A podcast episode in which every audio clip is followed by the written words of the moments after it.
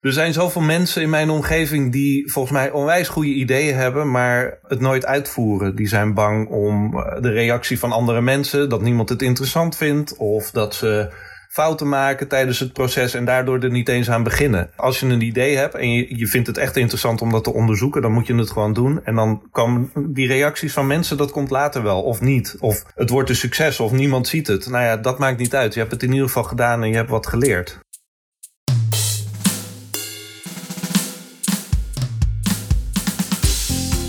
Hey, superleuk dat je luistert. Dit is de Creatiedrift podcast. Mijn naam is Ruben Stelly en in deze podcastserie ga ik elke week in gesprek met een interessante creatief over creativiteit en zijn of haar creatieve leven. Aflevering 15. Superleuk dat je luistert. Mocht je jou nog niet geabonneerd zijn, dat kan je uiteraard doen in je favoriete podcast-app. Dan ontvang je op woensdag een nieuwe frisse aflevering. En je kunt natuurlijk ook alle oude afleveringen terugluisteren. En deze week heb ik er weer eentje hoor. Toen ik 14 jaar geleden grafische vormgeving studeerde, toen kwam ik op een moment het project Fresh Fonts tegen van ene ontwerpstudio Autobaan. Ze hadden toen letters gemaakt van ketchup, tandpasta en gel. En dat project vond ik zo ontzettend fascinerend dat je iets kunt maken zonder te tekenen of een computer te gebruiken, maar gewoon met voorwerpen uit het dagelijks leven, met gewoon dingen om je heen. Dat vond ik ontzettend fascinerend en heeft mij ook zeker geïnspireerd. Dat zaadje, wat er toen geplant is, heeft, denk ik, invloed gehad op veel werk van wat ik daarna heb gemaakt. Hun waren of zijn echt een inspiratiebron. En dus daarom alleen al vind ik het heel tof dat deze week de gast is in de Creatiedrift podcast.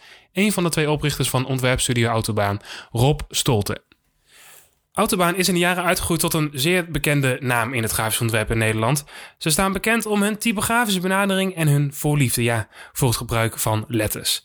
Ik heb het met Rob uiteraard over alles wat hij doet, zijn creatieve leven en over onder andere zijn brede interesses en hoe hij die nieuwsgierigheid omvormt naar zijn vak. In deze aflevering luister je naar het verhaal van Rob Stolte van Autobaan. Nou, volgens mij hebben we dan nu alles lopen. Ja, Zo, Rob, zitten we nou in de podcast? heel goed. Welkom. Dankjewel. Leuk, eh, leuk dat ik er mag zijn. Nou ja, hartstikke leuk dat je mee wil doen. Waar gaan we het over hebben? We gaan het hebben over, eh, over creativiteit. En eh, over, jou, over jouw creatieve leven eigenlijk. En ehm, ja, ik heb altijd ik heb maar één vraag. En voor de rest gaan we gewoon zien hoe het loopt. Oké, nou, Dat hou, dat hou ik nu al 14 afleveringen vol en dat gaat goed. Dus we doen het vandaag gewoon weer. oké. Ehm, nee, we gaan, eh, we gaan het hebben over, jou, over jouw leven, over jouw creatieve leven. Over, over autobaan natuurlijk en over alles wat, jij, alles wat je doet. Ja, Ehm, laten we vooraan beginnen. En dan stel ik altijd de vraag, wat maakte jij als kind erop? wat ik als kind maakte. Ja? Ehm jeetje, goede vraag. Ehm, als kind, nou, ik was wel altijd aan het tekenen. En Mhm. ehm, ik wilde vroeger eigenlijk het hele idee van, van ontwerper zijn, dat, eh, dat, dat kende ik nog niet. Ik wilde Mhm. vroeger altijd archeoloog worden. Archeoloog. Ja, en ehm, ik kreeg op de basisschool het advies om naar de MAVO te gaan. Of LBO, dus eh, zeg maar Mhm. een soort van eh, technische opleiding te volgen. Omdat ik niet Ja. zo heel erg slim was volgens mij. En ehm, toen ging die droom om archeoloog te worden eigenlijk in duigen op. Maar, maar was je niet zo slim of had je gewoon niet zo interesse in school? Nou, ik, ik ben daar laatst eens ingedoken. Ik, ehm, we, hebben, we hebben een project gedaan over, eh, over eh, letters. Oh ja. En ehm, ik, heb een boek, ik heb een boek gemaakt voor mijn zoontje over letters. En dat, eh, dat boek, A.S. van Os heet dat. Daar heb ik laatst een presentatie over gegeven. En toen ben ik eens ingedoken in eh, hoe zat dat nou eigenlijk in die tijd? Want ik wist wel Mhm. dat ik moeite had met school, maar hoe erg het was en, en al dat soort dingen was ik eigenlijk vergeten. En toen ben ik er ingedoken en toen heb ik bij mijn ouders oude schriften gevonden van vroeger. En daar stond ehm, gewoon letterlijk onderaan een, een pagina van... ehm, dit soort geknoei en geklieder ga ik nooit meer nakijken. Ik dacht van, nou, dit is redelijk goed geschreven en, en niet eens zoveel fout. Maar ja, het zag er niet heel netjes uit.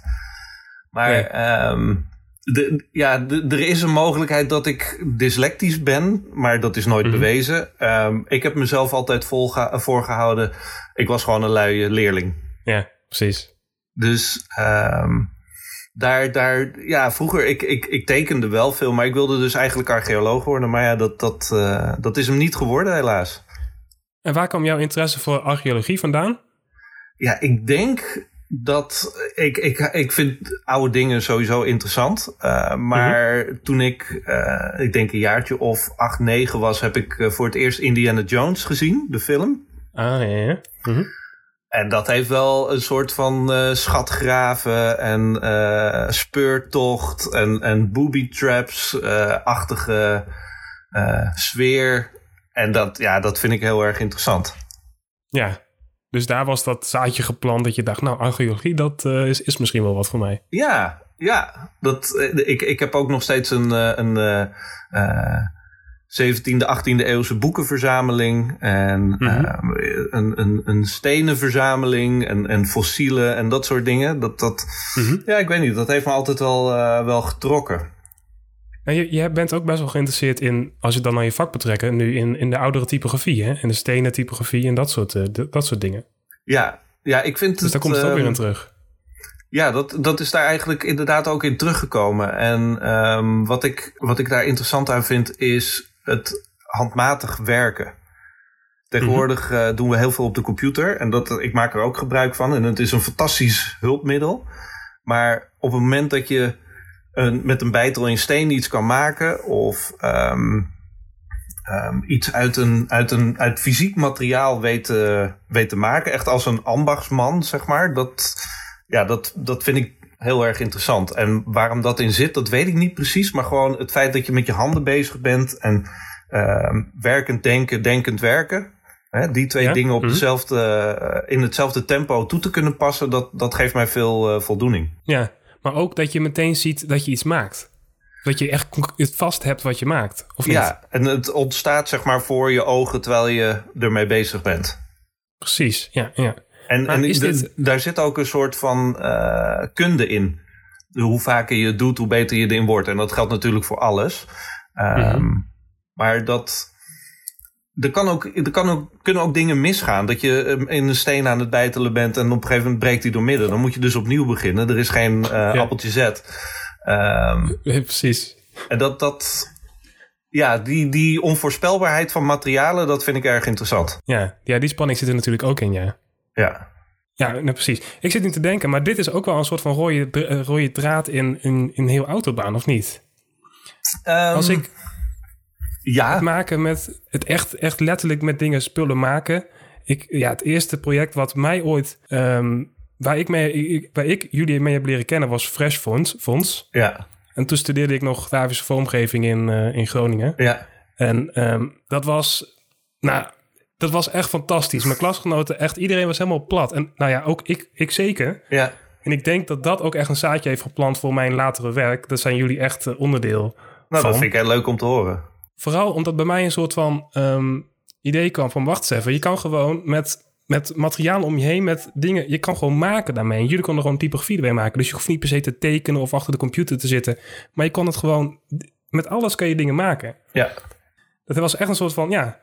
Er ging echt een wereld voor mij open. Maar dat is dus wel een soort van rode draad in, in al het werk van Autobahn, of niet? Ja, ja, dat denk ik wel. Het, het um, Fresh Fonds is toen ontstaan omdat wij een. Uh, we werden gevraagd om een Petja Kucha lezing te geven in, uh, in het Volkskrant. Uh, of in, het, um, in Club 11. Bestaat al lang, al lang niet meer. Maar mm -hmm. um, wij waren toen een paar jaar bezig. En we vonden ons portfolio niet echt interessant genoeg om over te praten. Uh, dus wij dachten van, we gaan gewoon een, een eigen project beginnen. Want dat vinden we wel leuk om over te praten. Dus het was de eerste keer dat je een eigen project begon? Um, ja, dit was eigenlijk de eerste keer dat we echt dachten van... Uh, fuck it, we gaan zelf gewoon iets verzinnen wat wij leuk vinden om te doen. En Precies. omdat we al wel altijd interesse hadden in typografie en letters...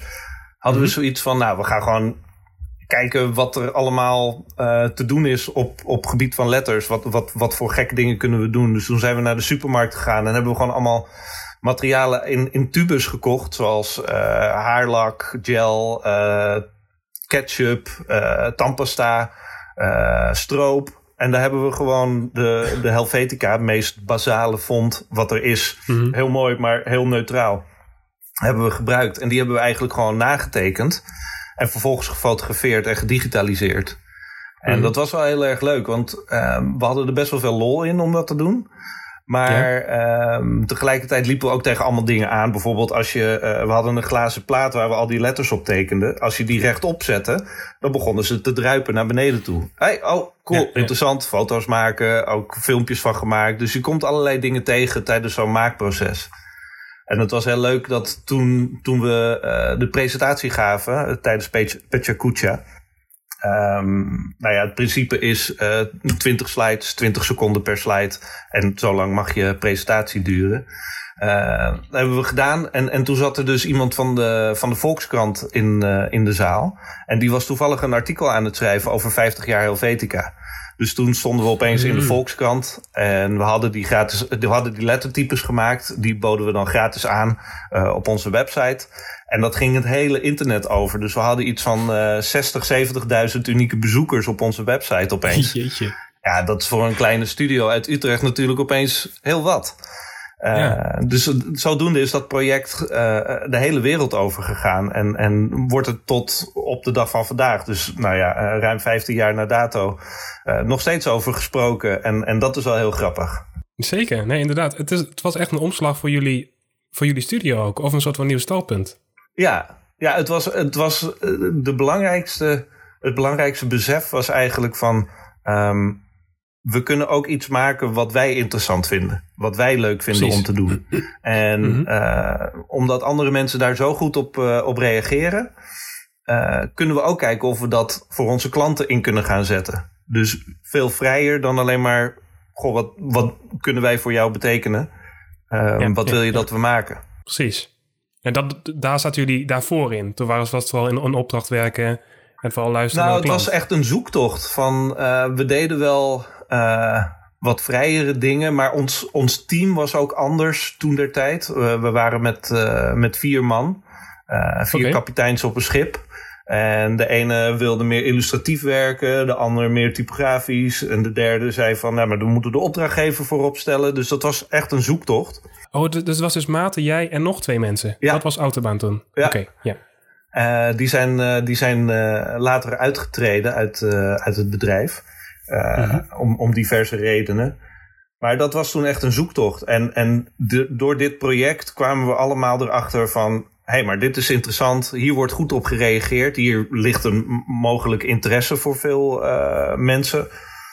Laten we dat eens verder gaan onderzoeken. En toen zijn we veel Precies. meer handmatige typografie gaan maken. En, en onze opdrachtgevers daar ook van overtuigd van dit is interessant eh, op, op meerdere niveaus. Niet alleen is het interessant voor ons om te maken, maar het is ook interessant voor de toeschouwer. Hè? Hoe, hoe is het gemaakt? Eh, wat is het idee wat erachter zit? Eh, je ziet dat er veel tijd is, eh, in is gaan zitten.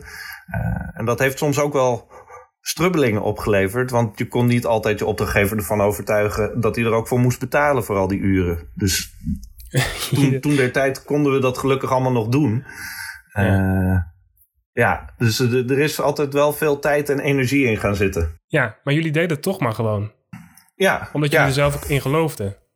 ja wij vonden dat echt leuk om te doen. En gelukkig hadden we opdrachtgevers in, in onze omgeving die zeiden van... Ja, ik vind het ook leuk dat jullie dat doen, ga maar maken. Ja, maar je, eh, je trekt dan ook bepaalde opdrachtgevers aan, denk ik. Die zien jullie werk dan weer en denken... hé, hey, maar die jongens moet ik hebben. Eh, ja en nee. Eh, ja, sommige opdrachtgevers die zien dat werk en die denken van... Oh, dat wil ik ook. Eh, kan je zoiets voor mij ook maken?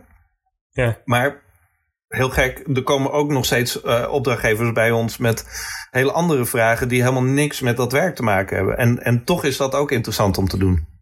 ja, ja. ja. Oh, ja, ja, precies. Dus En- dan, maar dan is het toch een of andere reden dat ze bij jullie komen. Ja, Is dan toch iets. ja.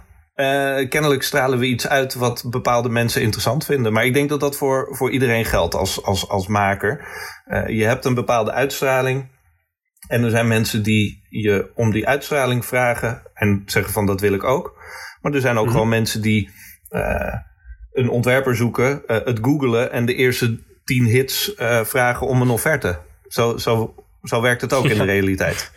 Ja, precies. En dan zitten jullie daar net tussen. Ja, bijvoorbeeld, of, of niet. En dan gaat het langs je heen. En dat is, dat is ook prima. Ja, ja, ja, ja. ja. hey, maar jullie hebben in, die tijd niet dat in opdracht gedaan, maar ook nog heel veel eigen dingen gedaan. Ik kan FC Autobahn nog herinneren. Ja, Ja, we hebben, we hebben best wel veel, uh, sindsdien best wel veel eigen projecten ook opgestart. En yeah. Vaak was dat naar aanleiding van een vraag van iemand, uh, zoals FC Autobaan was dan voor uh, Graphic Design Festival in Breda. Dennis Elbers heeft ons toegevraagd van, goh, willen jullie meedoen? Nou ja, hartstikke leuk. we moeten een poster maken. Nou, dan gaan we een poster maken van een eigen verzonnen lettertype. En mm -hmm. volgens mij was het toen ten tijde van het EK. En uh, toen hebben we 500 kilo kalk besteld en een krijtkarretje. En zijn we op een voetbalveld een, een lettertype wezen kalken. En vervolgens heeft, uh, hebben we Jaap Scheren gevraagd om, uh, om dat te, te, fotograferen met ons. En portretten mm -hmm. van te maken. En dat, is dan, dat gaat dan weer een heel eigen leven leiden, zo'n zo'n lettertype. Want volgens mij twee maanden later kregen we een mailtje uit Buenos Aires van iemand die het lettertype heeft gebruikt in een identiteit en een, uh, een lichtbaklettertype um, boven een, een, uh, bovenop een pand heeft gezet. Weet je, de, mm -hmm. ja, het is heel gek. We, we, verzinnen iets met een bepaald doel. Je gooit het de wereld in. Uh, dit, dit, was ook gewoon een gratis lettertype wat we verspreiden.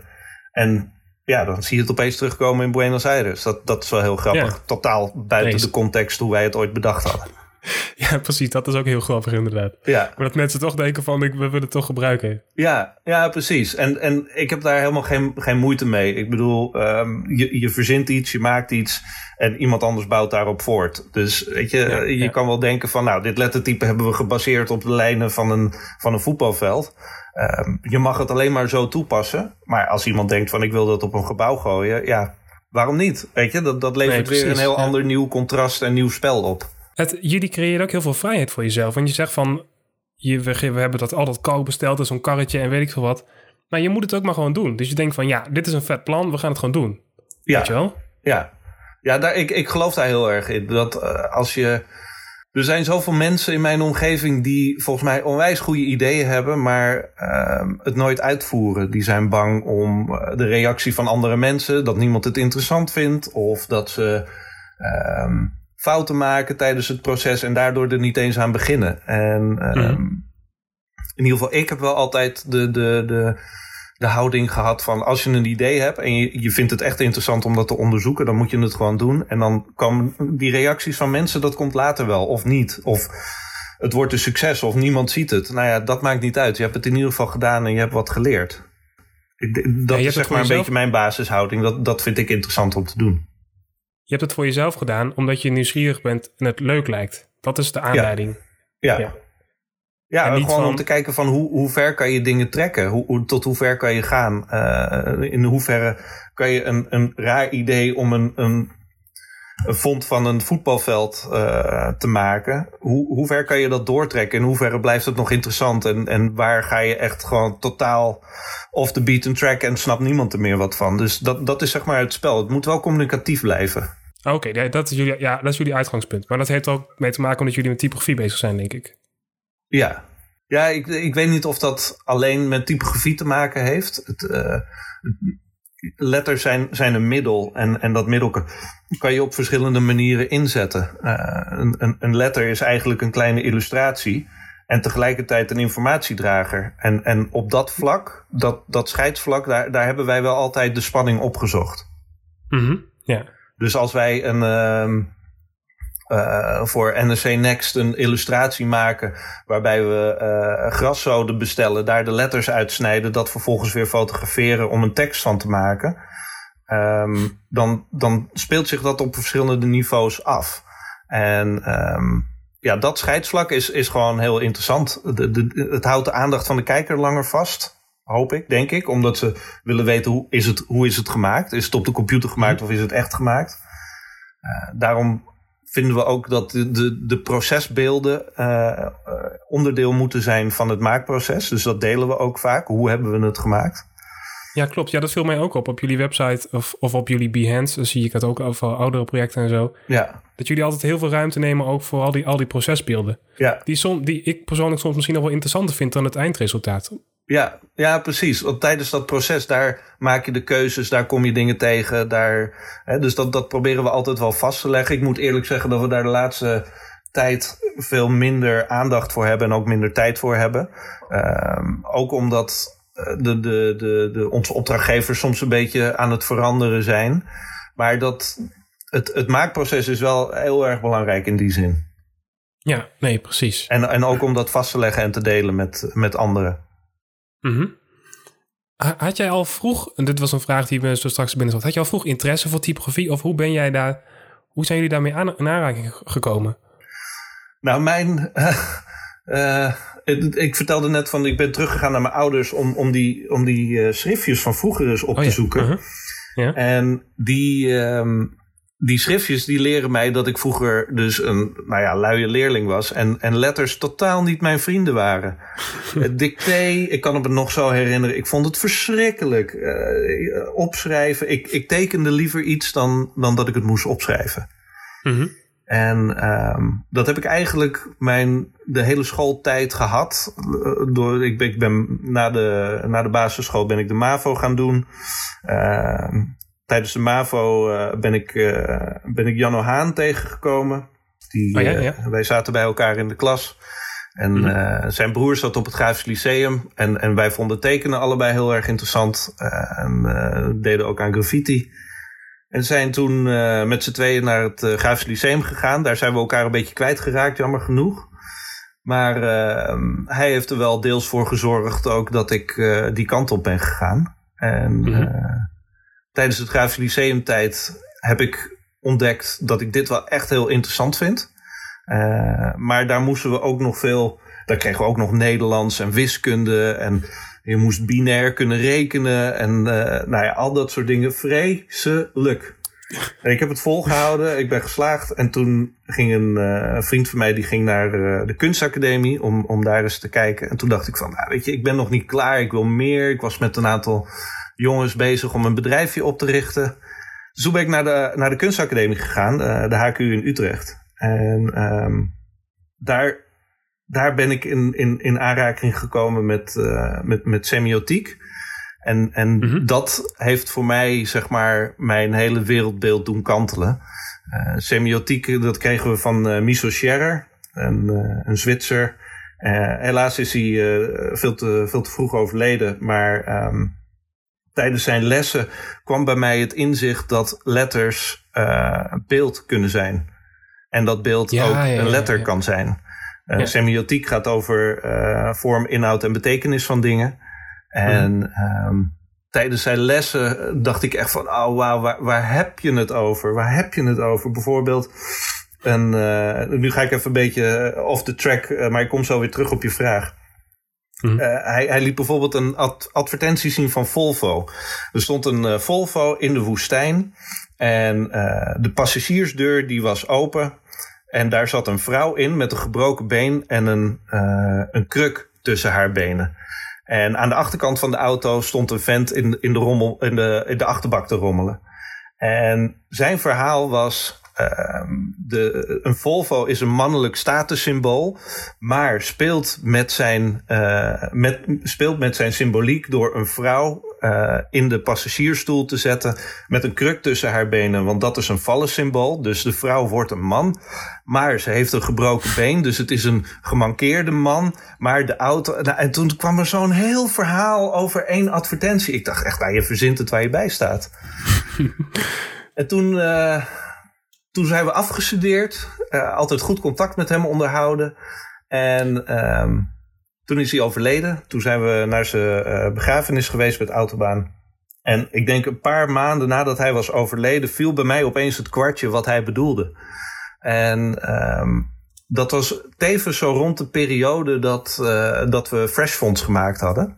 Mm -hmm. En, en daar kwam opeens zeg maar alles bij elkaar. En, en dus vanuit het het vertrekken vanuit het uh, idee van de semiotiek, vorm, inhoud en betekenis van dingen, uh, daar, daar kan je zeg maar de hele wereld mee duiden en, en vormgeven. Mm -hmm. In combinatie met um, letters, wat wij als grafisch vormgevers toch vaak als, uh, als basismateriaal gebruiken om een verhaal te kunnen vertellen ja, dat, dat heeft zeg maar voor mij de rest van mijn uh, ontwerpend leven wel gedefinieerd. Ja, precies. Dus vanuit dat idee van die letters die zijn niet mijn vrienden, zijn ze toen wel mijn vrienden geworden. En ook ineens hele grote vrienden geworden. Ja, ook wel echt heel, omdat ik het, het opeens begreep. Ik zag het opeens. Het was echt zo'n aha-moment. Ja, ja, ja, precies. Maar, maar daarvoor was je ook meer van letters, dat is om te lezen, dat is om te schrijven. Maar meer niet. Maar dan ging een wereld ik, voor je open. Ik, ik, las ook nooit boeken. Ik vond het verschrikkelijk. Uh, als ik uh, een, een opstel moest schrijven of, of uh, een, een um, nou ja, allemaal van dat soort dingen, dan, dat, ik wilde het liever niet doen. En ook al was het op de computer gewoon tikken, weet je, en nog steeds. Ik, ik maak allemaal hele domme spelfouten of typfouten en ik zie het niet. Weet je, dan stuur ik een mhm. mailtje naar een opdrachtgever en dan krijg ik terug van, ja, uh, ik kan dit wel zo voorleggen aan het bestuur, maar misschien kan je deze foutjes er nog even uithalen. En dan denk ik, ah, oh, crap, weet je. En dan gelukkig heb ik Maarten, uh, mijn compagnon Maarten Dullemeijer, die, die, die leest af en toe mee en, en die haalt heel veel van dat soort dingen er gelukkig uit voor mij. Maar het is nog steeds een blinde vlek voor mij, maar toch, um, ja, geef mij maar een, een stuk steen of uh, weet ik veel wat en dan ga ik letters maken. Ja, dat, dat vind ik toch leuk. Ja, dat is toch wel heel grappig, ja. Dat, dat je, je hebt een hele grote interesse voor letters, maar ondertussen de manier waar de meeste mensen aan denken als het om letters gaat, het schrijven, dat soort dingen. Ja. dat, is niet jouw, dat is niet jouw ding. Nee. Maar het uiten in letters, of de geschiedenis van letters, of het maken van letters, dat wel. Ja, precies. Ik, heb, ik heb niks met de formaliteiten van het gebruik van letters. Ik wil juist de, de informele kant. Uh, die, die vind ik interessant.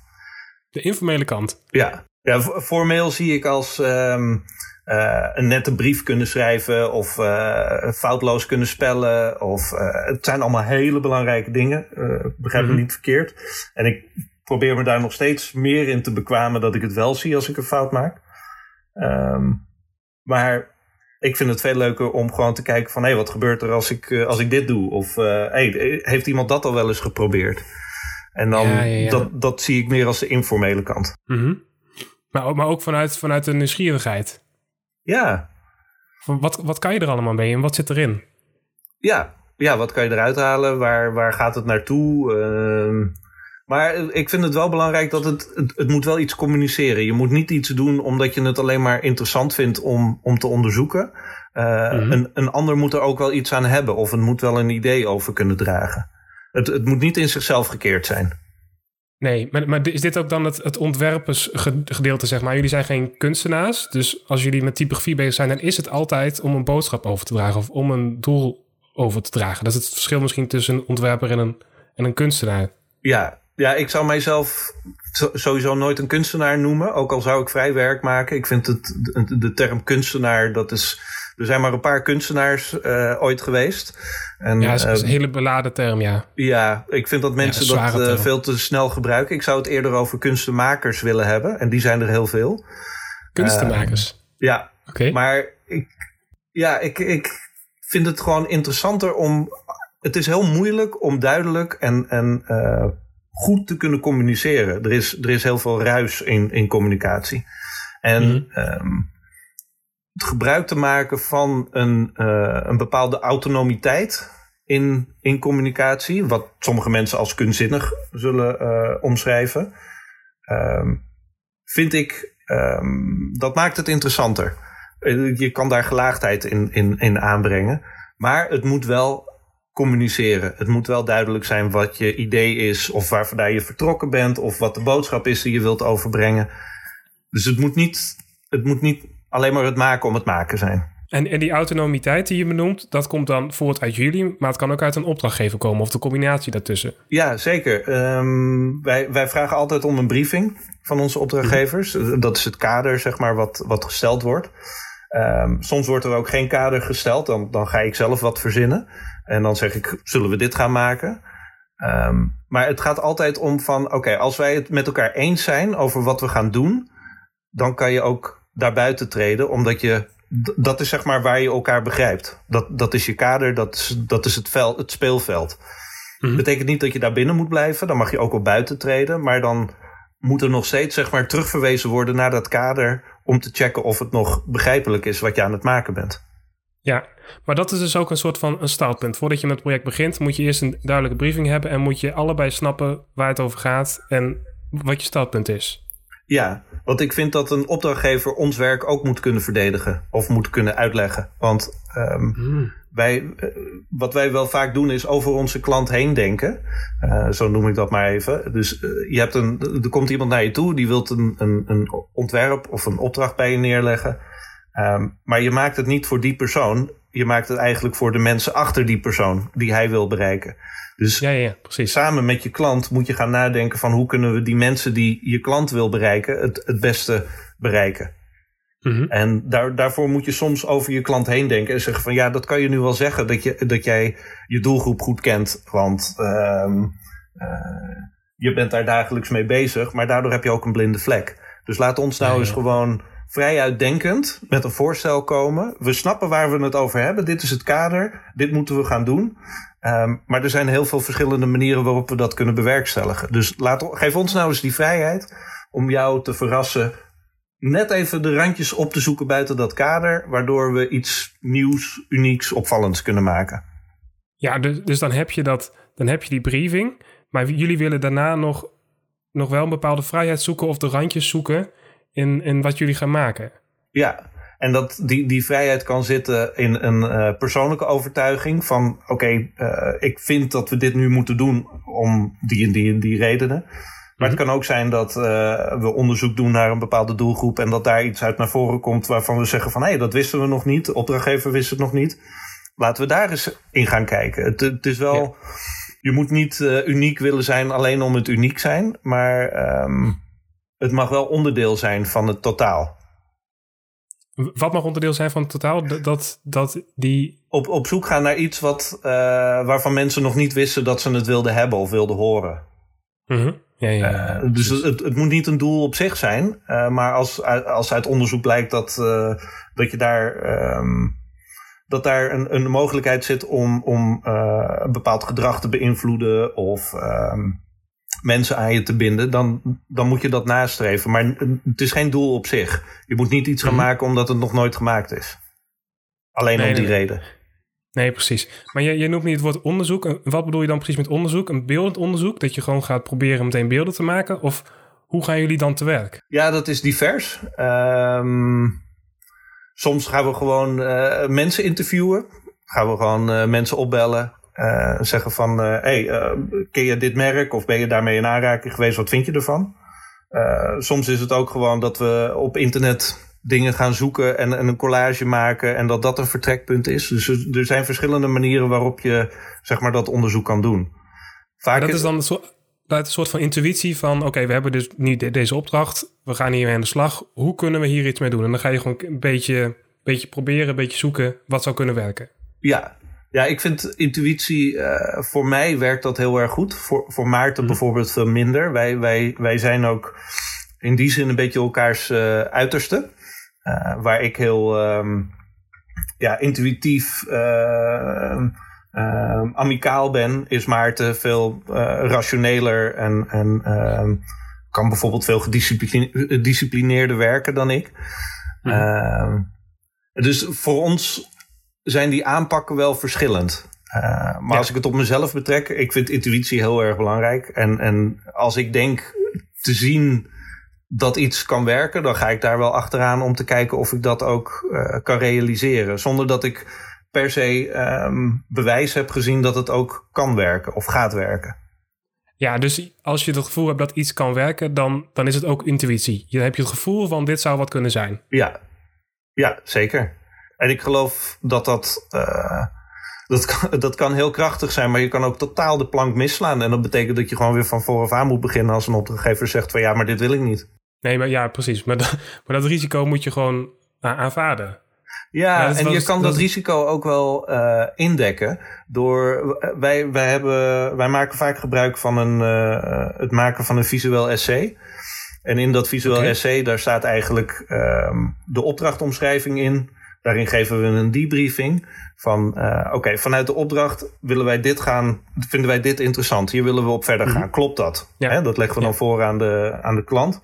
En die zegt dan van ja, dat vind ik interessant. Ga daar maar mee verder. Daar ben ik het wel mee eens.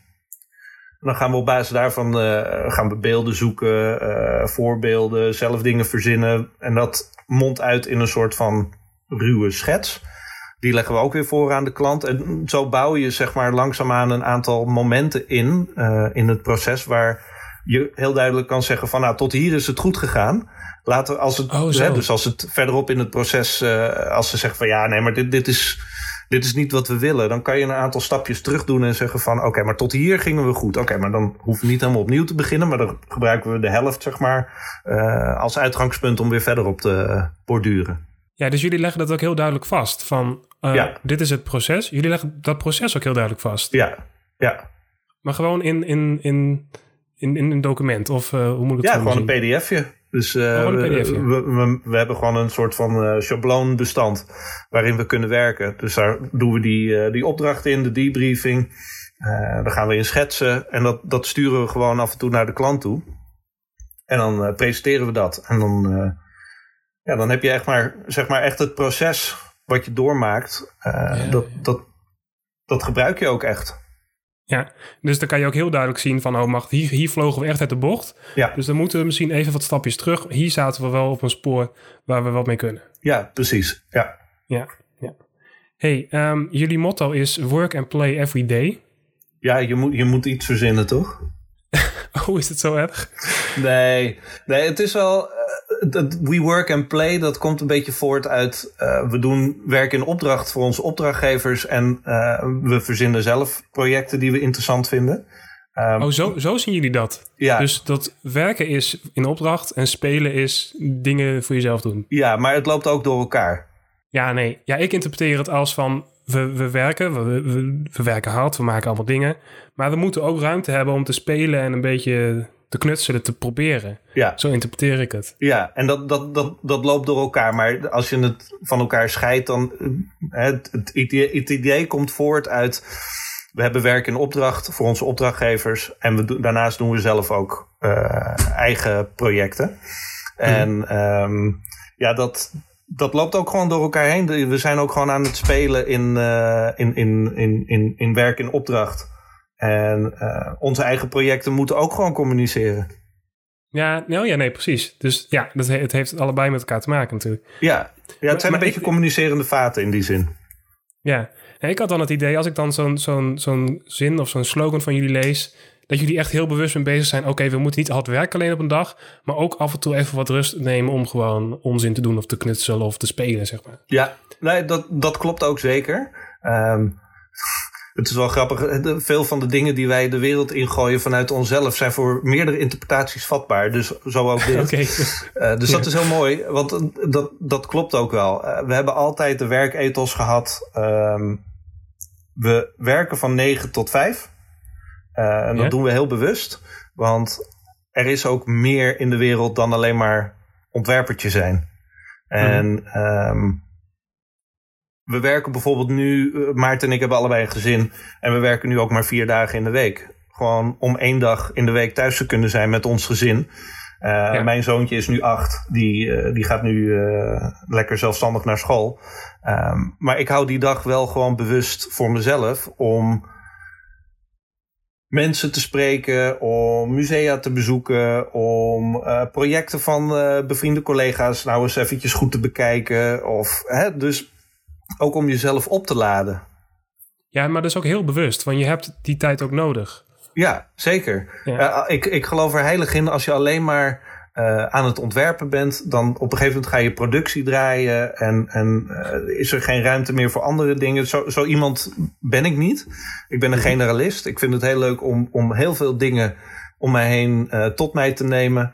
En ik heb het idee dat mijn interesses alleen maar toenemen. Ik, ik, ik begrijp dingen steeds beter naarmate ik ouder word. Dat vind ik ook soms wel eens fijn om, eh, om te merken.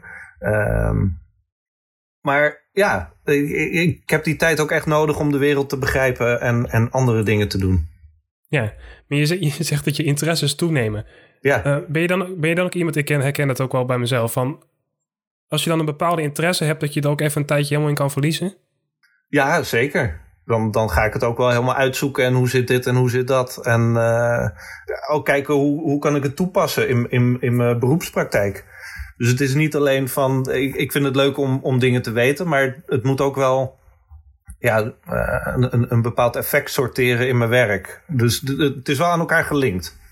Oh, maar daar hou je wel rekening mee van, wil ik dit wel onderzoeken? Of Nee, niet in Je die weet- zin. Want als ik het interessant vind, dan ga ik het wel onderzoeken. Maar wel altijd met een soort van eh, gedachtengangetje of een lijntje naar mijn werk. Van hey, hoe, hoe zou dit eh, kunnen werken voor die opdrachtgever? Of kan ik hier een eigen project van maken? Ja, ja. Maar wat is nou, wat is nou een interesse of fascinatie die, eh, die je nu als voorbeeld zou, zou kunnen noemen, die dat echt, die echt in het werk ook impact heeft gehad? Ehm, dat is een goeie. Ehm, nou, ik ben de laatste tijd heel erg bezig met, eh, met parfum.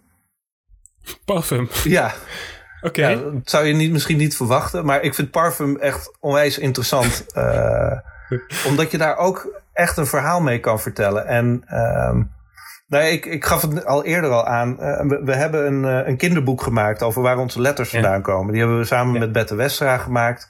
En die is vorig jaar uitgekomen.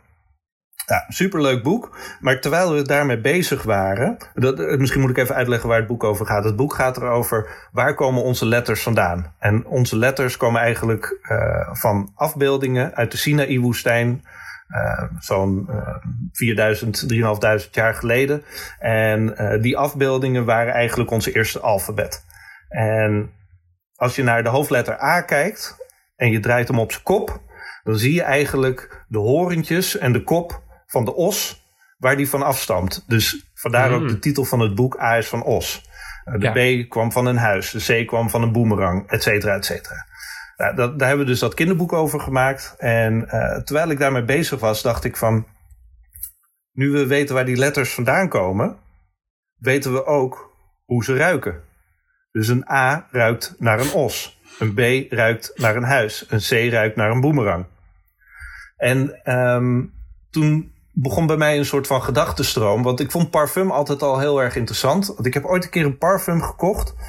Ehm, en dat parfum was gebaseerd op een film, eh, La Haine. Eh, een Franse zwart-wit film over de banlieues en, en rouw. En, nou, een hele toffe film. En, en ik was in, in een eh, parfumerie en daar stond La Haine. Dus ik spoot dat op en ik dacht van wauw, wat ruik ik. Echt, je ruikt eh, verbrand rubber, ehm, leer. ehm, en, en wat blijkt, dat parfum is gemaakt bij een specifieke scène in die film. Ehm, waarbij een, eh, een, een, een van de hoofdpersonen die haalt een zilveren pistool uit zijn rugzak onder het eh, licht, TL-licht in een garage. En die geur die is gemaakt ehm, voor een project in Berlijn. En daar hadden ze een klein theatertje en daar werden arthouse films vertoond. En bij die specifieke scène werd in het theater dat parfum verspreid. Dus je ervaarde zeg maar door middel van geur en beeld dat moment ehm, vanuit de Ja. ogen eh, van, een, eh, van een parfumeur. Dus het was, een, het was een geureffect eigenlijk. Ja, het was een geureffect. Ja. Maar het, was wel een draagbaar parfum. Dus het was niet alleen maar eh, een geur verspreiden die, Mhm. voor het effect, maar je kan het ook dragen. Oké. En ehm, mijn ouders, die hebben eh 45 jaar bij de politie in Amsterdam gewerkt. En ik, ik liet ze die geur ruiken. En toen zeiden ze allebei, zonder dat ze wisten waar dit over ging, van wow, het, het lijkt net alsof ik mijn dienstpistool aan het schoonmaken ben. Dus die parfumeur, die heeft precies het, het, het gevoel van een, het hebben van een pistool en, en, en wat daar omheen zit, eh, weten vast te leggen in, in Ja. die geur. Precies.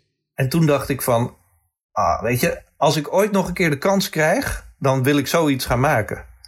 En toen kwam dus het idee voorbij van, ehm, kunnen we eh, parfum maken van onze letters? En nu Mhm. ben ik eh, samen met degene die dat parfum eh, van La Haine gemaakt heeft, dat is Mark Buxton. Wist ik helemaal niet, maar dat schijnt dus een van de grootste parfumeurs eh, ter wereld te zijn. Die heb ik een, Mhm. een mailtje gestuurd van, goh, sta je open voor, voor samenwerkingen? Hij zegt, ja, het ligt eraan wat. Dus ik presenteer dit idee. Hij zegt van, ja, dit is waar iedereen in de niche parfumerie naar op zoek is. Wij, wij komen niet verder dan een parfum maken voor een modeontwerper of hè, dat soort dingen. Dus Ja, nu ja. Zijn, we, zijn we met z'n tweeën zijn we bezig om eh, van de A, de B en de C een, een parfum te maken. En eh, ja, dat gaan, we, gaan we hopelijk. Het was het idee om dat eh 1 mei te lanceren op Kickstarter. Maar door de omstandigheden wereldwijd hebben we besloten om dat uit te stellen. Maar eh, Dus dat, dat idee van verschillende vakgebieden en, en gewoon interesses, dat probeer ik wel altijd weer terug te herleiden tot, ah, kunnen we daar iets mee qua typografie, qua letters, qua in mijn werk. En, en dit is daar een voorbeeld van. Zeker, maar je kan elkaar ook heel erg versterken. Zoals in de parfum wat je nu zegt. Jij hebt dan zo'n idee en jij komt uit een heel ander vakgebied dan, die, dan de mensen uit de parfumerie. En dan, komen hun, dan zeg je dus hun reageren enthousiast van ja, maar hun zien er ook iets in van hé, hey, wacht eens even, dit is iets wat heel interessant is. Ja, ja dus, dus dat soort kruisbestuiving krijg je, er, krijg je er ook door. Ja, exact. En, en dat gebeurt omdat ik uh, ja, veel dingen interessant vind. En, en ga kijken van, hey, hoe werkt dit? Waar zit, waar zit er overlap? Waar, waar, ja, waarom vind ik dit überhaupt interessant? En wat ik merk is, um, het, het vertellen van verhalen, dat, dat vind ik gewoon heel interessant. En, en je kan overal een verhaal over vertellen, dat is natuurlijk heel duidelijk.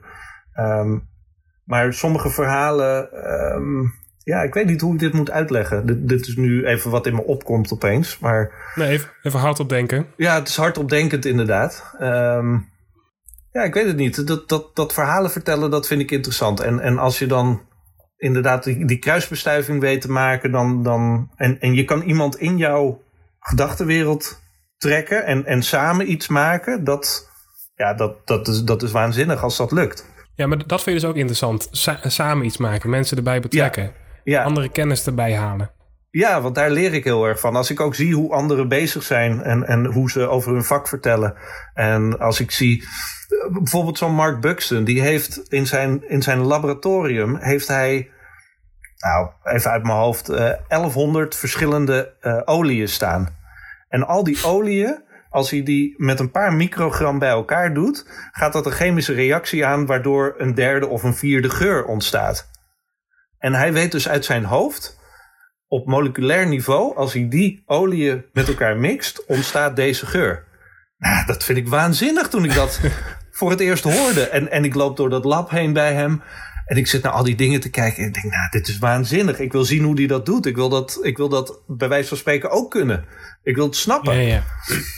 nou, en dat, ja, dat, dat vind ik interessant. En daarom wil ik ook graag samenwerken met andere mensen die, die goed zijn in hun vak. Mm Ja, AAS van Os is ook een project, toch? Wat, je, wat echt vanuit jouw eigen interesse is gestart. Ja, ja dat is voortgekomen uit... Uh, uit, mijn zoontje was vier jaar en die begon interesse te krijgen in letters.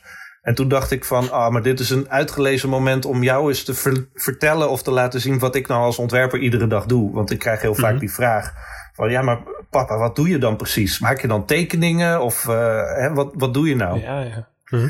Dus dit, dit, was, dit was zeg maar de uitgelezen kans om, om, om dit verhaal te kunnen vertellen in de vorm van, ja, waar komen die letters vandaan? En het leuke is dat daar ook het die geschiedenis en die archeologie en, en het opgraven en, en uh, ja, dat, dat komt daar ook weer in terug. Ja, zeker inderdaad, ja. Dus het, zijn, het, ja, het is echt zo'n zo'n kruispunt. Zo, soms heb ik een beetje dat gevoel dat ik op zo'n kruispunt sta uh, in, in, in mijn professionele leven van... Oh, er komen nu een aantal dingen bij elkaar en, en ja, waar gaat dit nu weer heen of zo? Maar iedere keer een nieuw besef. Dat, dat... Maar dan volg je uh, onderweg volg je de hele tijd je intuïtie, je nieuwsgierigheid. En dan komen er allerlei dingen. En op een gegeven moment, zoals je zegt, kom je op een kruispunt en denk je: hé, hey, maar dit is wel heel interessant. Ja. Dit zou wat kunnen zijn. Ja. Nee, ik heb altijd wel het, um, de basishouding gehad van je hebt anderen nodig om verder te komen. Mhm. Bijvoorbeeld toen, toen wij net startten met Autobaan, was ik ook altijd degene die gewoon uh, andere ontwerpers, generaties boven ons, uh, opbelde. En gewoon vroeg van, joh, um, ik vind je werk interessant, we kennen elkaar niet. Maar heb je tijd om even een kop koffie met mij te drinken? Want ik heb een aantal vragen die ik aan je wil stellen. Ja. En zodoende kreeg ik daar zeg maar informatie van die mensen over uh, collega's of hoe het werkt in pitches of um, hoe zij bepaalde ontwerpoplossingen aanpakten. En, en dat, dat maak ik mij dan eigen. En dat probeer ik dan weer te verwerken in, in hoe ik denk dat het moet gebeuren. Ja, maar die stap om hun dan te benaderen, dat doe je toch maar gewoon. Ja, ik, eh, veel mensen vinden dat lastig. Ik, eh, ook aan, aan, als ik met studenten daarover praat en uh, ook andere ontwerpers die, die ik zeer waardeer, uh, die vinden dat nog steeds lastig om, om gewoon op iemand af te stappen en te zeggen van goh, ik waardeer jouw werk, uh, ik zou daar meer over willen weten. Ik, ik heb mhm. daar nooit zo'n probleem mee gehad. Het, het zit, in, zit in jouw aard blijkbaar. Ja, Ja, ik vind andere mensen gewoon interessant. En dan stap je daar misschien makkelijker overheen. En ik, Precies. Uh, het uh, adagium No More Heroes is daar ook wel op van toepassing. Oké. Weet je, als, wij, wij zijn in, op een gegeven moment werden wij uitgenodigd om in, in Melbourne een lezing te geven over ons werk. En wij vonden dat een, een zeer grote eer, want we stonden gewoon voor zeg maar een uitverkocht carré in, in Melbourne. Voor 2500 man stonden wij te vertellen over onze vreubels en experimenten en, en gekke dingen en letters. Um, maar dan sta je opeens naast mensen die je uit boeken kent en, en die je in magazines geïnterviewd ziet worden, zoals Zakmeister of Marjan Bandjes of hè, nou ja, noem ze maar op. Mm-hmm. En dan, ja, dan merk je dat het ook gewoon mensen zijn die uh, naar de wc gaan en, uh, en een uh, appeltje schillen voordat ze het podium opgaan en, en ook hun onzekerheden hebben. Um, ja, dat, dat het ook gewoon mensen zijn. Ja, precies. En, en je, hoort, je hoort iedereen daar wel over praten van ja, maar het zijn ook gewoon mensen. Maar ja, ik snap wel dat er een soort van afstand tussen zit. Maar je, ze zijn gewoon benaderbaar. Je kan er gewoon op afstappen ja, en zeggen van zeker. joh. Als je dat doet vanuit interesse en je zegt van ik vind, het, ik vind het interessant wat jij doet en ik zou daar meer over Mhm. willen leren of weten. Precies. Ja, niemand gaat dan zeggen van ja, maar dat ga ik jou niet vertellen. En, en de mensen die dat wel zeggen, daar moet je verre van blijven. ja, precies. Dat zegt misschien ook al genoeg. Dus dat, ja, dat, dat, dat, ik probeer dat wel altijd aan te moedigen, weet je. Eh, Ik, iedere mail van een, eh, een, een, een, iemand die stage wil lopen bij ons, die probeer ik ook persoonlijk te beantwoorden. En te zeggen van, nou ja, weet je, op dit moment nemen we geen stagiaires aan. Of je werk sluit niet zo goed aan bij ons. Of hey, super tof werk, kom een keer langs. Ja, ja, ja precies. Dus het, ja, maak het persoonlijk. Heb je, heb je nu zelf nog helden? Hmm. Of ben jij zo iemand... helden heb. Ik- Ja, ik heb wel mensen die ik, ik, ik, ik heb wel mensen die ik interessant vind en die ik eh, interessant werk vind maken, maar dat zijn geen helden. Oh, geen helden. Nee, ja, omdat Nee. je het net zo zelf noemde. Dat zijn gewoon men- mensen die je interessant vindt, waarvan je denkt, nou, misschien kan ik daar wat uitnemen. Of kan ik daar Ja. wat van leren? Ja, daar kan ik van leren of, of daar wil ik een keer mee samenwerken. Of eh, ja, ik zie het meer op dat niveau dan een held. Want een held is, ja, dat, dat maakt iemand ook een beetje onaanraakbaar. En ik geloof niet Ja. dat mensen onaanraakbaar moeten zijn. Moeten zijn. Ja, ja, Ja. Om, om, ook- om, ook omdat je net zei van, je stond daar op het podium met allemaal hele grote bekenden. En dan zie je ook dat het ook gewoon mensen zijn. Ja, maar het is toch ook zo'n rare ervaring. Ik bedoel, wij zijn niemand. En je staat op een podium en na afloop komen de mensen naar je toe om een handtekening te vragen. Dat, dat, ja, ik Ja, vind dat een heel raar fenomeen. Ja, Ehm, ja. Ik, ik heb ze een handtekening gegeven, daar, daar gaat het niet om. Maar ehm, het feit dat omdat je een podium hebt, dat je dan opeens iemand bent, dat, dat, is een, Ja, dat, is, dat is heel raar. dat is een raar principe. Ik snap wel dat het zo werkt hoor. Dat zijn de mechanismen die erachter zitten. Eh, want jij staat op een podium en iemand anders niet. En jij bent aan het woord en iemand anders luistert naar je. Precies. Maar dat, dat maakt je niet meer of minder dan een ander. En als iemand dan na zo'n lezing naar mij toe komt met de vraag van... Goh, hoe zit dit of hoe zit dat? Dan neem ik daar ook altijd uitgebreid de tijd voor. Ik vind dat juist leuk, Ja. want dan, dan heb je een connectie. Dan heb je iemand weten te bereiken en, en dan kan je wat kennis overdragen. Hoe, hoe klein Zeker. ook, of hoe, hoe stom ook. Maar ja, dat vind ik wel leuk. Nou ja, dat, dat, hel, dat heldenverhaal. ehm, ik denk ook wel eens, het is best wel gezond om mensen te hebben waar je tegenop kijkt. Eh, of het dan helden zijn, weet ik niet. Maar, ehm, nou, maar dat gevoel, dat je altijd nog iets ziet van... oh, dat zijn echt mensen waar ik iets van zou kunnen leren. Ja, nee, dat, zeker, dat heb ik ook. Eh, als ik zie hoe, hoe, hoe bepaalde mensen met, eh, binnen hun vakgebied eh, hele interessante dingen aan het doen zijn, dan denk ik, ah man, dat, ja, dat, jaloezie is het niet, maar wel echte interesse, oprechte interesse van, ehm, ik, goh, vertel me er meer over, ik wil weten hoe je dit doet. precies, Precies. precies. Dus dat, ja. dat zijn geen helden, maar dan, dan ja, een. een eh, ik weet niet wat je net zei, maar je, je zei van eh, een bepaalde ambitie hebben eh, om, om verder te geraken. Nou ja, dat is zo- zo'n gevoel van, ja, ehm, daar, kan je, daar kan je echt nog wat van leren. Ik weet niet, ik vind het gewoon, ik heb het altijd gehad, dat ik altijd bepaalde mensen dacht van, oh jeetje, jou volg ik, of jou kan ik echt, van, van jullie, of jou kan ik echt wat leren. Ja, Ehm, dus ja, ik weet niet of het op se op een voetstuk zetten is of zo, maar gewoon dat gevoel van, ja, dat is echt iemand die ik interessant vind. En ook van, ik vind diegene interessant, dus dan is er waarschijnlijk iets in diegene wat ook bij mij uh, resoneert of bij mij past. Ja, dat, dat, dat kan een idee zijn of een werkwijze of, of een, een uitkomst van iets. Uh, ja, zeker. Daar, daar geloof ik ook in. Alleen, ja, mijn eerste reactie zou dan zijn: ik ga diegene bellen en vragen van, goh, eh, laten we een kop koffie drinken, want ik, ik wil hier meer van weten. Ja, nou ja, precies. Ja, ik sta er een podcast om, dus dat... Uh... Ja, ja, precies. Ja. ja, heel goed, heel goed. Ja, in die zin doe je hetzelfde natuurlijk. Ja, nee, nee, zeker. De mensen die ik allemaal spreek, nu eh, jou en alle, iedereen die ik heb gesproken en nog ga spreken, dat zijn allemaal mensen die ik interessant vind vanuit intuïtie of vanuit het gevoel van, hé, hey, maar hier met jou wil ik wel eens een keer uh, een podcast opnemen. Ja, ja, en, en wat was dat dan bij, bij ons? Je gaf aan van uh, Fresh Fonds is een soort van aanleiding geweest. Uh, maar wat, wat was voor jou de reden om, om dit uh, met mij te willen doen? Nou, Fresh Fonds sowieso. Ik heb er ook over na zitten denken de afgelopen tijd. En dat is dat, dat moment dat, dat ik daar um, dat ik dat ontdekt heb, Fresh Fonds. Dat is gewoon een rode draad geweest in, mijn, in alles wat ik daarna heb gedaan. Ik doe nog steeds vrijwel alle projecten die ik doe, zeker eigen geïnitieerde projecten, doe ik met dagelijkse spullen, met materialen, met, nou ja, en je gaat natuurlijk later ook een breder perspectief zien. Dus dan zie je ook dat er veel meer ontwerpers daarmee bezig zijn. En, en, een, en een zakmeister, die was er rond jullie tijd ook al heel erg mee bezig natuurlijk. Ja. Um, maar ja, jullie ja wij waren, in, in die zin waren wij ook absoluut niet uniek hoor. Het, uh, nee, nee, nee, precies. Nee, maar het is wel grappig. Dat, dat hoeft ook niet. Je hoeft ook niet uniek te zijn. En ik denk dat dat, dat, dat ook wel belangrijk is. Gewoon doe het omdat je het wilt doen. En, en ja, zie maar waar precies. het strandt als je iets voor, voor jezelf maakt. Ja. Um, maar nee, dat klopt inderdaad. Ja. ja, maar dan komt weer wat je zo straks zei over intuïtie. Van volg je intuïtie en je, je interesse. En niet omdat je per se uniek wil zijn of iets unieks wil maken. Ja. Dus doe het ja, vanuit jezelf. Je, alles, alles is al een keer gemaakt. Alleen misschien niet door jou. nee, en dat is al reden genoeg om het te proberen. Ja. Ja, ja soms wel. Ja. En als je dan daarnaast zorgt dat het, dat het communiceert en, en een idee of een boodschap overdraagt, dan ja, good on you. Ga maar precies. doen. Ja, precies. Um, ik zit even te denken hoor. Ja, je had het zo straks over de, wat de reden is om jou uit te nodigen.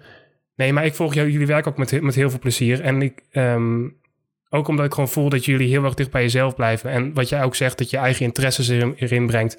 Dat vind ik gewoon waanzinnig interessant.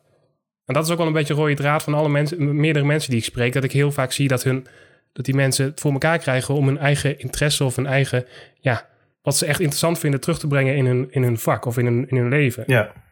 Ja, de, ik, ik, hoor dat soms ook wel eens om me heen van, um, maar ik, ik weet niet wie ik ben als ontwerper of ik weet niet hoe ik uh, dingen kan bereiken uh, die, die ik wil doen zonder dat ik heel erg geleid word door, door andere mensen. Ja. En ja, ik vind het altijd best wel lastig om daar antwoord op te geven. Ik, ik, ik, ja, ik luister gewoon naar mezelf. Ik vind dingen interessant en ik ga het doen. Ja, dat, dat is moeilijk om, om over te dragen op, op andere mensen als je dat niet hebt, zeg maar. Ja, ja, ja, ja precies. Maar ik snap wel dat er vandaag de dag heel veel dingen mogelijk zijn. En keuzestress is een ding. En ja, hoe je dan dicht bij jezelf moet blijven, dat, ja, dat heeft met een bepaalde overtuiging te maken, denk ik. Dat je, dat je overtuigd bent van jezelf, dat je, dat je ertoe doet. En, en wat je probeert, dat dat er mag zijn. Ja, dat, dat, dat is een soort van startpunt. Dat moet je eerst hebben. En als je dan je nieuwsgierigheid volgt, ja, dan, dan loopt het wel. Ja, dat denk ik wel, ja. Ja, dus ik kan niet, niet per se echt een advies geven aan mensen van doe dit, dan gaat het helemaal lukken. Het is met vallen en opstaan natuurlijk. Ja, en dat is voor iedereen natuurlijk ook anders. Iedereen moet het ook zelf ontdekken. En jij, jij, kan het ook niet voor diegene zeggen, omdat iemand dat, dat zelf moet ontdekken. Nee, precies. Ja. Het enige wat ik kan doen is, is laten zien wat, wat ik doe. En wat ik interessant vind. Precies. En uh, laten zien hoe ik het doe. Dus dat, dat proces inzichtelijk maken. En uh, ik vind het leuk om lezingen te geven over, over het werk wat we maken. En, en nou, zoals nu door jou geïnterviewd te worden voor, voor een podcast. Ja, weet je, dan ben ik ook bezig met het ordenen van mijn gedachten. En, en uh, proberen een uh, coherent verhaal uh, te vertellen over wat ik interessant vind en waarom ik het doe. Maar ja. op het moment dat je er echt voor gaat zitten en gaat nadenken van waarom doe ik dit eigenlijk? Ja, dat is heel moeilijk om daar uit te komen. Het zijn zeg maar allemaal kleine kleine stukjes die je iedere keer meeneemt en, en het gewoon doet. En als je erover gevraagd wordt, dan, dan hoop je een zinnig antwoord te kunnen formuleren. Ja, ja. En het is ook wat jij zei van soms weet je het ook niet precies, maar als je dan op een kruispunt komt en dat ineens bepaalde dingen samenkomen, dan heb je een soort van aha. Maar dat kun je bereiken door in ieder geval bezig te zijn en, en je interesse te volgen. Ja, ja en, en zorg dat je bewust bent van wat je doet. Uh, ik had het eerder over dat werkend denken, denkend werken. Mhm. Ehm, je moet niet aan de slag zijn en dan vervolgens je ogen open doen en kijken van, oh, wat heb ik nou eigenlijk gemaakt? En het dan gaan proberen te interpreteren. Uh, dat, dat moet een wisselwerking zijn. Oké. Okay. Dat, ja, dus, dus wees je bewust van, van waar je mee bezig bent. Ik denk dat dat, dat dat heel belangrijk is. En dan hoef je niet te weten waar het naartoe gaat. Of uh, uh, misschien ook niet eens waarom je het doet. Maar um, wees je er wel bewust van de stappen die je maakt. En dat je een volgende stap moet nemen. En dat je uh, iedere keer, hoe klein ook, beslissingen neemt. Zodat je verder komt. En dat je niet beslissingen voor je uit blijft schuiven. Omdat je niet weet waar het naartoe gaat. Ik denk dat dat wel heel belangrijk is. Gewoon iedere keer een beslissing nemen. Ga ik nu dit doen of ga ik dat doen? Oké, als ik dat ga doen, dan ga ik even niet dit doen. Ja, ja, ja. Maar even, even daarmee bedoel? Ja, ja, ik zit er even over na te denken nu. Uh, dat je bewust beslissingen neemt. Dus je bent op een bepaald punt en dan moet je even kijken, wat heb ik nu gedaan en hoe ga ik nu verder? Dat je er even bij stilstaat. Bedoel je dat? Ja, ja want dat, dat geeft je ook de ruimte om uh, verder te komen, omdat je over bepaalde dingen niet meer hoeft na te denken. Ja. Ja. En dan kan je er misschien later wel op terugkomen als je, als je verder bent in het proces en denkt van, oh, heb ik deze afslag genomen, was dat goed? Oh nee, ja, misschien nu weer er even bij pakken en dan ontstaat er weer wat nieuws. Ja, je kan dingen die er echt niet toe doen of die echt niet, waarvan je daar zegt, dat voelt van daar heb ik niks aan, dan kan je op zo'n moment even achter je laten. En, ja. Ja. ja, dat denk ik. Oké. Okay. Hardop denkend, hè, dit. Ja, ja nee, maar, maar, dat is hartstikke interessant. Dat gebeurt heel veel vaker in deze podcast. En dat, oh, heel uh, goed. Dat is, uh, komen misschien wel soms wel de interessantste dingen. Ja, nee, dat is waar. Um, Rob, ik heb nog één vraag. We hadden het ja. straks over helden. Um, ja. Wat is het beste advies wat jij ooit hebt gehad? Wat is het beste advies wat ik ooit heb gehad? Oei, dat is een goede vraag. Um... Schiet er niks te binnen nu? Of een, uh... Nee. Kan alles zijn? Ja, ik zit even te denken. Er, er, zal, er zullen. Dus ik, heb, ik heb heel veel adviezen gekregen in mijn leven, ongetwijfeld. En met, met heel veel heb ik iets gedaan. En met anderen heb ik niks gedaan. Uh, maar er is niet per se één advies wat nu uh, zo naar boven komt. Mm -hmm. um, en ik denk ook niet dat er, dat er één beste advies is. Het zijn gewoon allemaal kleine, kleine dingetjes die je her en der oppikt. En misschien krijg je wel advies van iemand wat helemaal niet eens bedoeld is als advies. Maar dat je denkt van, oh, wat jij daar nu zegt, dat is wel heel erg interessant. Daar ga ik eens wat mee doen. Dus nee, ik denk, ik, ik heb duizend en één adviezen gekregen. En, en ik ben ook duizend en één keer afgewezen voor dingen. En dat alles bij elkaar maakt tot wie ik nu ben, denk ik. Ja, en, waar je nu bent. En, ja. Maar geen, als, geen... als, uh, ja, uh, ik, ik zou zeggen van als ik een advies zou mogen geven, is gewoon ga met heel veel mensen praten. Ga met, Praat met zoveel mogelijk mensen. En, en, en ga, ga uitzoeken wat je daar interessant binnen die gesprekken aan interessante dingen kan ophalen. En, en hoe je dat kan toepassen in, in je eigen beroepspraktijk. En dat hoeft niet eens als ontwerper te zijn. Dat kan ook als schrijver of als politieagent of whatever. Maar ik mm-hmm. denk wel, sta in contact met mensen die, uh, die je interessant vindt. Precies. En sta er even bewust bij stil. Wat vind je interessant aan hun en wat kan ik ervan leren? Ja, exact. Ja. ja. Hey, dat, dat, dat, dat, zou ik mee willen geven als, als, als advies. als dat al relevant is. Nou, ik vind het zeker relevant. Ik vind het een heel mooi advies. Ja, uh, dankjewel. Ik heb er lang nou, over nagedacht. ja, dat komt er zo even uit. Hey ja. Rob, uh, dankjewel. Ik vond het een hele mooie afsluiting. Nou, heel fijn. Uh, ik vond het heel leuk om te doen. Dankjewel voor, voor je tijd en interesse in mij. Nou ja, ja heel erg bedankt voor je tijd. Ik vond het heel tof om je te spreken. Nou, heel goed. Ik ook. En nou, ik zie uit naar, naar het resultaat. Ja, dat was er weer deze aflevering van de Creatiedrift podcast. Heb je tips, vragen of opmerkingen over deze aflevering of over de hele podcastserie? Dan kun je mailen naar podcast.rubenstelly.nl je kunt mij ook toevoegen op de social media, Rubenstelly, of mijn website bezoeken, www.rubenstelly.nl. Dan wil ik je bij deze nog hartelijk bedanken voor het luisteren en ik wens je een hele, hele fijne dag.